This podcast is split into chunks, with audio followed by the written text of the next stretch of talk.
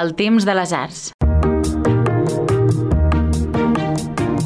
Hola i benvinguts a la tria setmanal del Temps de les Arts. Soc Xavier Càliz, coordinador de podcast i víctima d'un refredat que afortunadament per l'oient no s'encomana via digital. Com a mínim, de moment.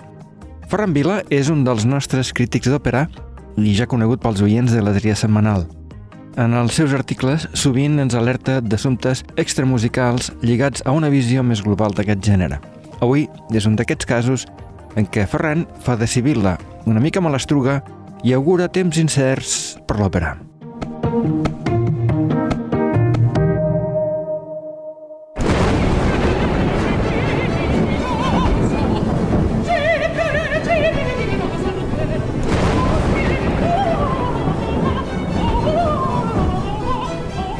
L'òpera ha sobreviscut més de quatre segles des del seu naixement a les mansions particulars toscanes i la posterior elevació a espectacle de masses gràcies al talent efectista i espectacular de venecians i napolitans.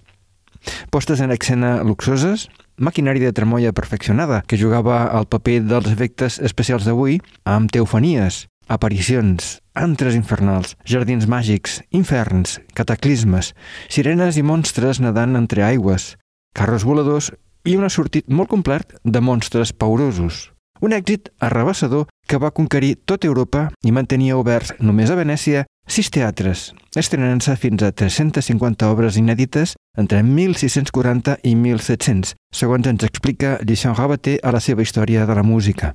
És que s'ha acabat l'atractiu de la posta en escena en directe? Quin futur porta la virtualització a aquest venerable gènere? Veiem què ens diu en Ferran i el nostre oïdor dirà si pot tenir raó o no. El cas del Metropolitan de Nova York és un d'aquells que bé podria estudiar-se en un seminari d'escola de negocis. Es tracta ni més ni menys de com una de les primeres espases del sector i un dels coliseus que arrossega un dels bagatges més importants en la història del gènere, ha aconseguit crear una innovació, un producte, que ha acabat per competir amb el mateix producte essencial de la companyia. Anem a pams. Ara fa just 15 anys que l'Òpera de Nova York va treure per primera vegada una versió digital de les seves temporades. Es tractava d'un seguit de títols retransmesos en rigorós directe per televisió i cinemes americans. D'aleshores ençà, aquest servei de streaming s'ha expandit internacionalitzat a cinemes de tot el món. Avui, les produccions del Met poden arribar a qualsevol plaça, ciutats petites, ciutats grans, ciutats que compten amb teatres d'òpera o ciutats on mai s'hi ha fet òpera en viu.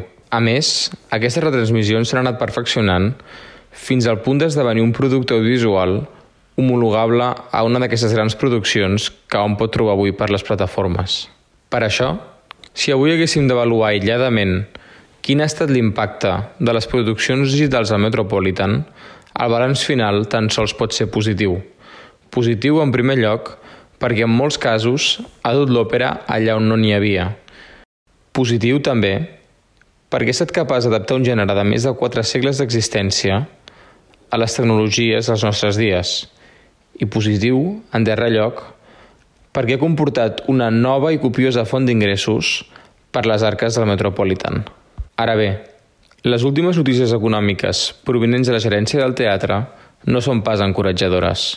Més aviat, els problemes de liquiditat del present auguren un mitjà termini més que delicat pel teatre del Lincoln Center si no empren una reestructuració severa.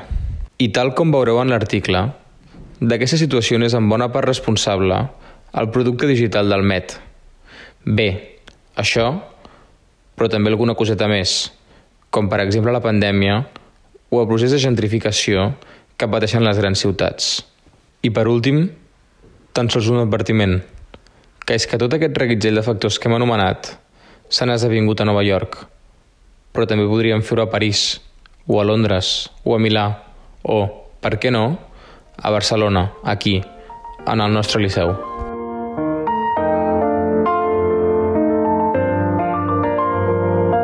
Hola, sóc Damià Morós. Potser m'hauran sentit a La Reserva, el podcast de patrimoni del temps de les arts.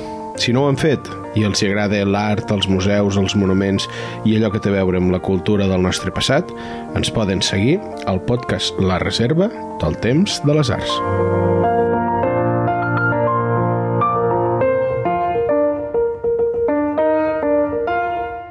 La crisi del Met de Nova York. Una advertència.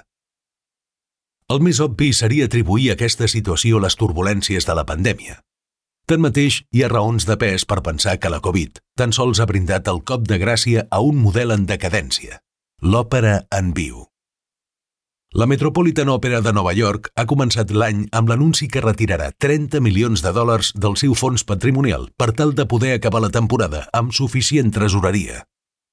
Aquest moviment no és més que la confirmació d'un fenomen que ja s'intuïa la temporada passada, però que, en certa manera, fa temps que es perfila. El Met travessa una greu crisi de públic. D'ençà de la pandèmia, les xifres no han recuperat ni molt menys els nivells d'habitud. Tan sols donant una ullada al rèport del darrer exercici de la companyia, on pot fer-se la idea de la magnitud del sotrac. Els ingressos per activitat del teatre van caure més d'un 30% respecte a la situació prepandèmica. L'emblemàtica sala del Taló Daurat només va ocupar-se el 60% de la seva capacitat. Amb tot això, les funcions del Don Carlo d'aquest novembre han tocat fons amb un insòlid i paupèrrim 40%. Per no prendre més mal, la direcció ja ha comunicat preventivament que retallarà el nombre de funcions de la temporada vinent. El més obvi seria atribuir aquesta situació a les turbulències de la pandèmia. Tanmateix, hi ha raons de pes per pensar que la Covid tan sols ha brindat el cop de gràcia a un model en decadència, l'òpera en viu. Ja fa 15 anys que el Met ofereix a cinemes de tots els racons del món les retransmissions dels seus títols més insignes, durant aquest temps, el projecte s'ha anat consolidant fins al punt d'esdevenir un producte essencial de la companyia. Aquest servei de streaming és consumit regularment per espectadors de tota procedència i condició. Ara bé, hi ha un determinat perfil d'espectador que hi juga un paper crític. És aquell tipus d'espectador que s'ubica en un radi prou proper a la influència de Nova York, però prou llunyà per no haver de fer-hi vida. Un perfil d'espectador que, d'altra banda, també ha patit el procés de gentrificació de les grans metròpolis i veu com s'encareix i es complica l'accés al centre de la ciutat. Doncs bé, aquest és el tipus d'espectador que durant 15 anys ha anat progressivament donant l'esquena a l'edifici del Lincoln Center. El fet que els abonaments de temporada representin tan sols el 20% de la box office és una prova definitiva d'aquest canvi de preferències. Però no es tracta només del públic regular. En tots aquests anys, la xifra de venda global de butaques presenta una tendència inequívocament a la baixa. És evident que l'oferta virtual del teatre ha acabat per competir, en certa manera, amb la seva versió autèntica. Peter Gelb, director general del teatre i artífex de la iniciativa, així ho ha reconegut en més d'una ocasió. Gelb és el mateix que ara diu que la solució exigeix reinventar-se, apostar intensivament per creacions de compositors vius, els quals, pel que es veu, desperten ara més interès que les velles patums entre el públic novaiorquès. Desconec si aquesta inclinació per les noves creacions es deu més aviat a la falera postmoderna per la novetat permanent, o si realment el públic ha desenvolupat una sensibilitat genuïna per l'òpera contemporània.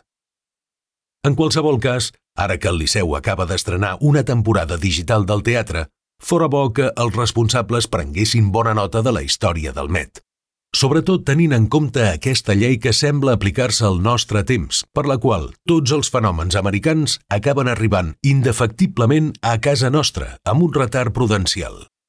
I això no va adreçat únicament als dirigents del gran teatre.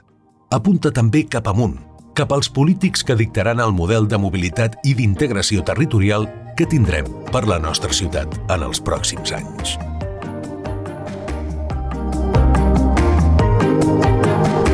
I fins aquí la tria setmanal del Temps de les Arts. D'aquí a set dies esperem estar amb vosaltres si no ens engoleix un cataclisme com el de les òperes italianes. Si us ha agradat, us preguem, com sempre, que ho compartiu amb els vostres amics, coneguts, familiars, barítons, tenors i sopranos de confiança. Moltes gràcies per escoltar-nos.